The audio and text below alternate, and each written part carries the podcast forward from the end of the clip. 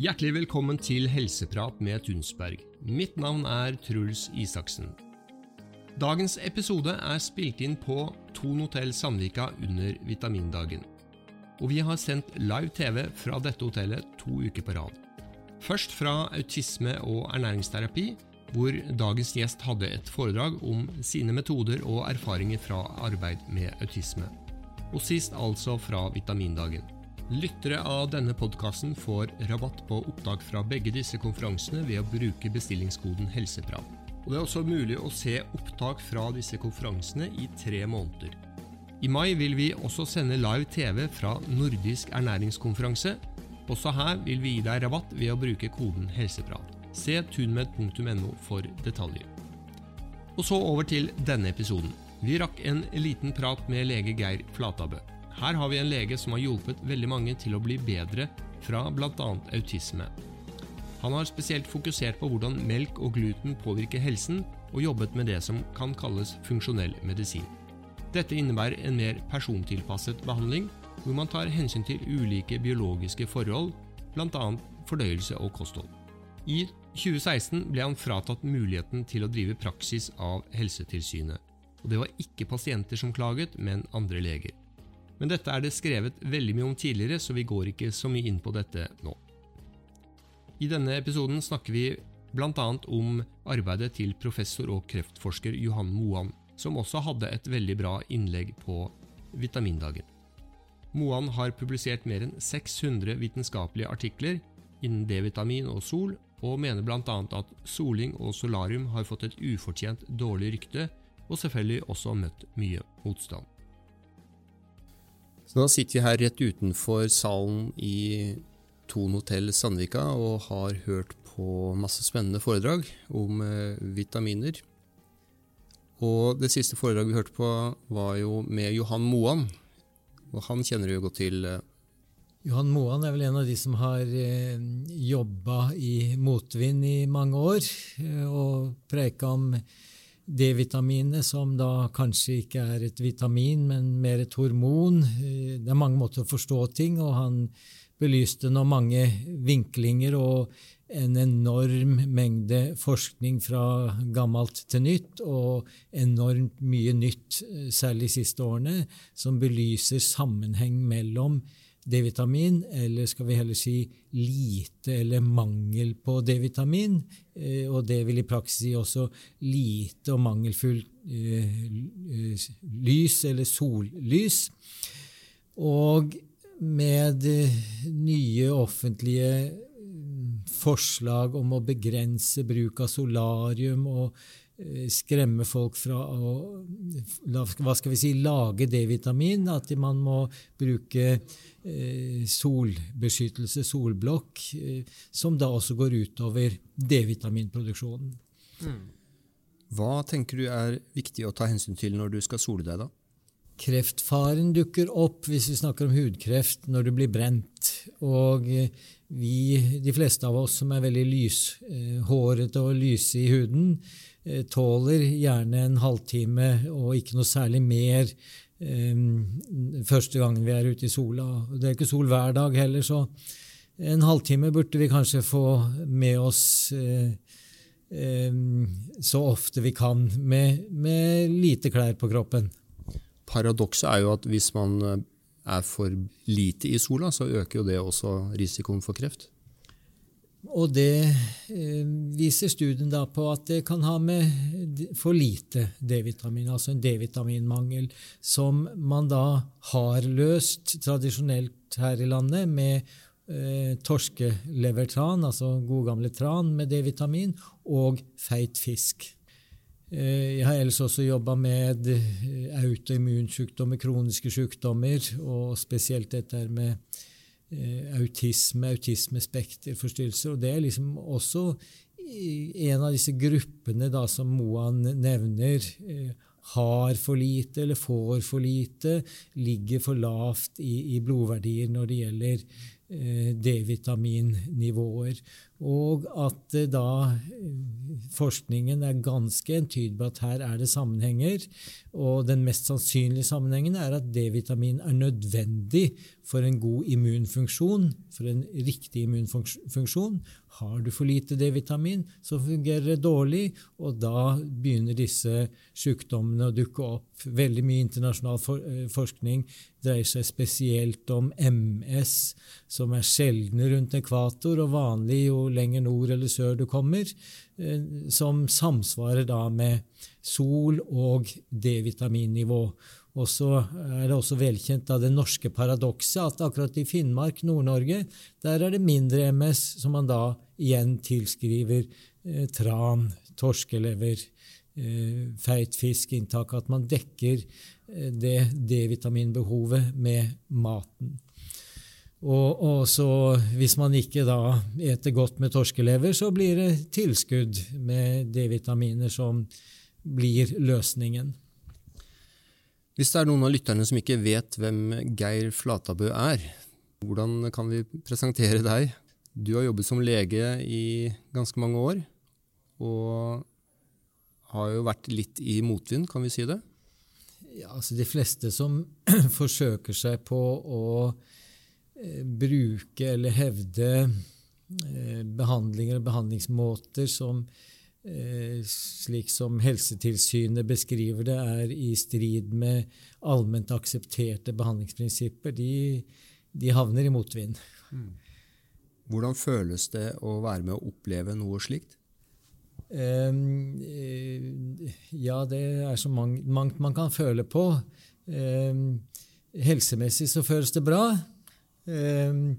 Arbeidsmessig så er det litt trangt i den forstand at eh, jeg har jo egentlig ikke lov til å eh, gjøre så mye på medisinsida som lege. Det du har jobba mye med, Geir, er jo bl.a. autisme, ikke sant? Det er et av de emner som jeg har interessert meg for og arbeidet mye med etter at jeg ble kjent med Carl Ludvig Reichelt, som er en internasjonal høy stjerne på dette her med kost, kosthold, det som heter urinpeptider, eh, gluten og melkefritt kosthold.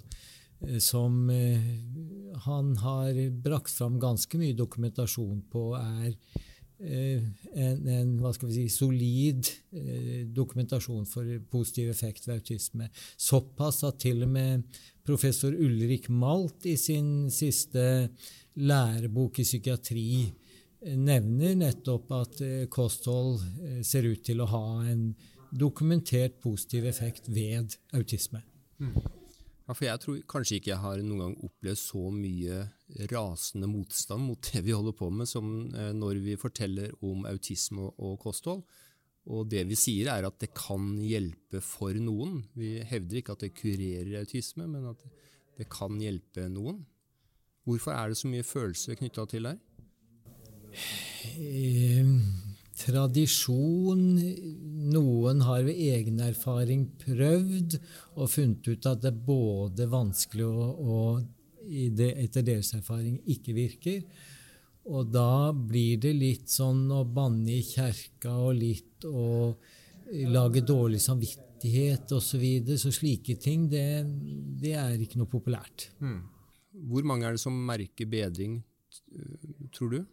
De studiene som er gjort, eh, viser iallfall to tredeler av barn med autismediagnose blir bedre, noen veldig mye bedre. Noen såkalt friske mister sin diagnose med en gluten- og melkefri kosthold. Og det er også foreldre som hevder at de oppnår det samme uten å endre så mye kosthold, men bruker enzymtilskudd som bryter ned gluten og kasein. Det er da den lettvinte veien. Og hvor lang tid tar det fra man begynner med kostomlegging til man begynner å merke eh, forbedringer? Veldig individuelt. Hos barn med eh, hva skal vi kalle tilleggsproblemer med magetrøbbel eh, så merkes det ofte veldig kjapt i løpet av ei uke eller to. Klar bedring. Jeg har foreldre som rapporterer i løpet av to dager så merker man bedre kontaktbarhet, bedre blikkontakt, bedre humør.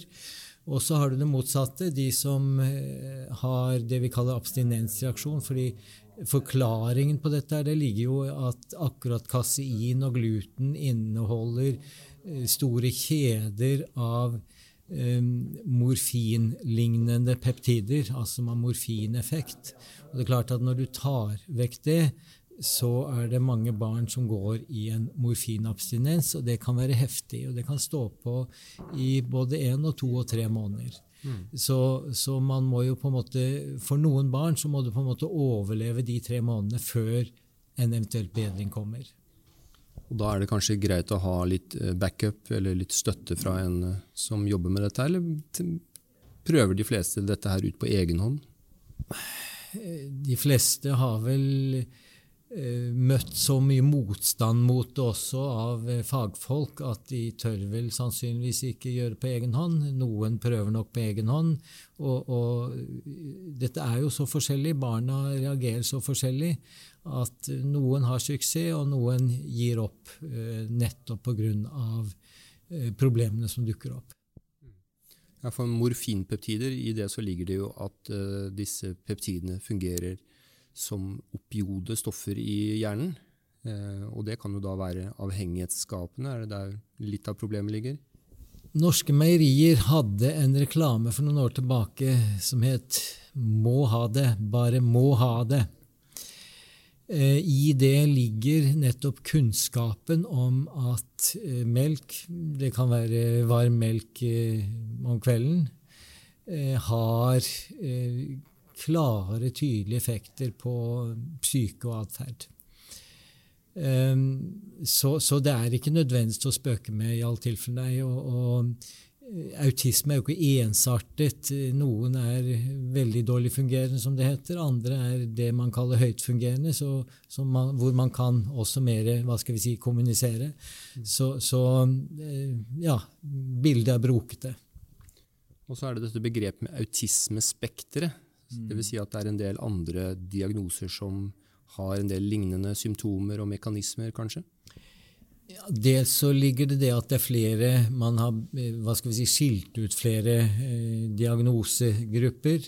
Dels er det også det at eh, det ligger mange ulike symptombilder i det, noe som på en måte tilhører kjernesymptomene, og andre som er tilleggssymptomer, sånn som dette med uro, hyperaktivitet, eh, hyperkinesi, konsentrasjonssvikt, impulsivitet, som da eh, ellers kalles eh, ADHD, ADD, som ofte er knytta inn eller putta inn da i, i, autisme, og av og til som en del av det man kaller autisme, av og til som en tilleggsdiagnose ADHD, men som også da svarer på Eh, positivt stort sett på diettforandringer, enten vi nå da snakker om eh, gluten og melk, eller vi snakker om, om f.eks. også sukkerfritt.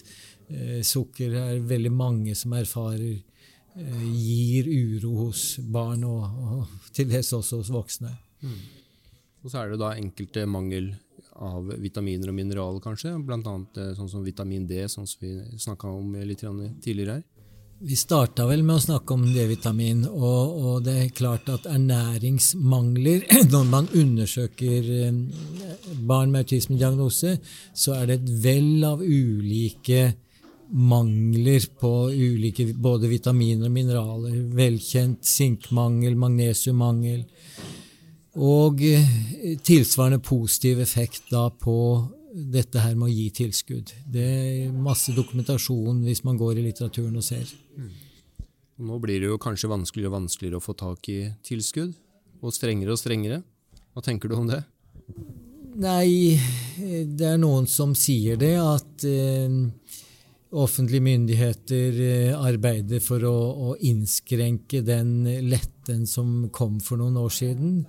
Eh, jeg tenker at det er det dummeste som kan skje. Det er det jeg tenker. Mm. Det er ganske mye å spare økonomisk hvis man kan bedre symptomene ved f.eks. autisme litt. Grann. Det er noen millioner kroner staten kan spare på at et barn med autisme blir veldig mye bedre, velfungerende, kan klare seg selv. Det er dramatiske summer vi snakker om. Mm. Hvor er det man kan få hjelp eh, hvis man ønsker å og prøve å teste ut dette her med kostendringer? Um, Det er, Hvis vi snakker konkret om dette med gluten og kasin, gluten og melk, så har Neurosym på Snåsa har en hjemmeside der de lister opp personer som har satt seg inn i og, og hjelper til med tolking og um, hva skal vi si, råd når det gjelder gluten- og melkefritt kosthold. Ellers så finnes det jo veldig mye kunnskap på Internett. Foreningen Mat og atferd har en nettside og har også likemenn som helt klart kan bidra i en slik situasjon. Hvilke tester er det som er tilgjengelige for de som har denne diagnosen? Hvis vi snakker om autisme, så har Norsk barnelegeforening utarbeidet et sånt sett med prøver som skal eller bør tas av barn som har fått en autismediagnose. Det jeg har sett, er at det blir vanligvis ikke fulgt. Eh, de testene sier ingenting om denne problematikken matvareoverfølsom, eh, hyperpeptiduri, proteinintoleranse. Det er to laboratorier i Norge som tar slike tester. Det er Neurosyn på Snåsa og det er Lab1 i Sandvika. Lab1 har videreført eh, Carl Reichelt sitt arbeid der, og har vel den mest avanserte metodikken.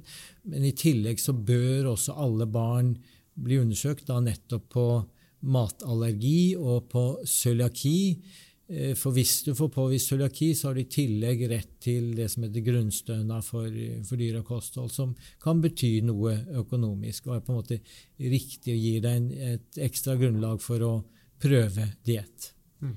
Man ser kanskje oftere cøliaki sammen med autismediagnosen, ikke sant? Det er riktig. Eh, cøliaki er det vi kaller assosiert med mange ulike autoimmune sykdommer, hvorav Autisme kan være en av dem, altså fungere som en såkalt autoimmun sykdom, der eh, du har antistoff mot eh, forskjellige hjernestrukturer og hjerneproteiner. Så før man begynner på kostopplegget, så er det vel kanskje å anbefale å ta en del tester? Eh, det gir deg litt mer grunnlag for eh, det du har tenkt å gjøre.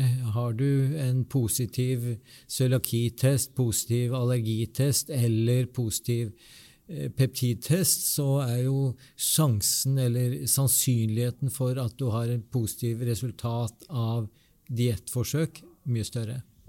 Eller en annen måte er jo å kutte ut melk og gluten i en periode og være litt eh, konsekvent på det, så vil man jo da kanskje kunne se endringer. Ja, men problemet er at du kan godt bli verre før du blir bedre. Mm. På grunn av Abstinensproblematikk, ja.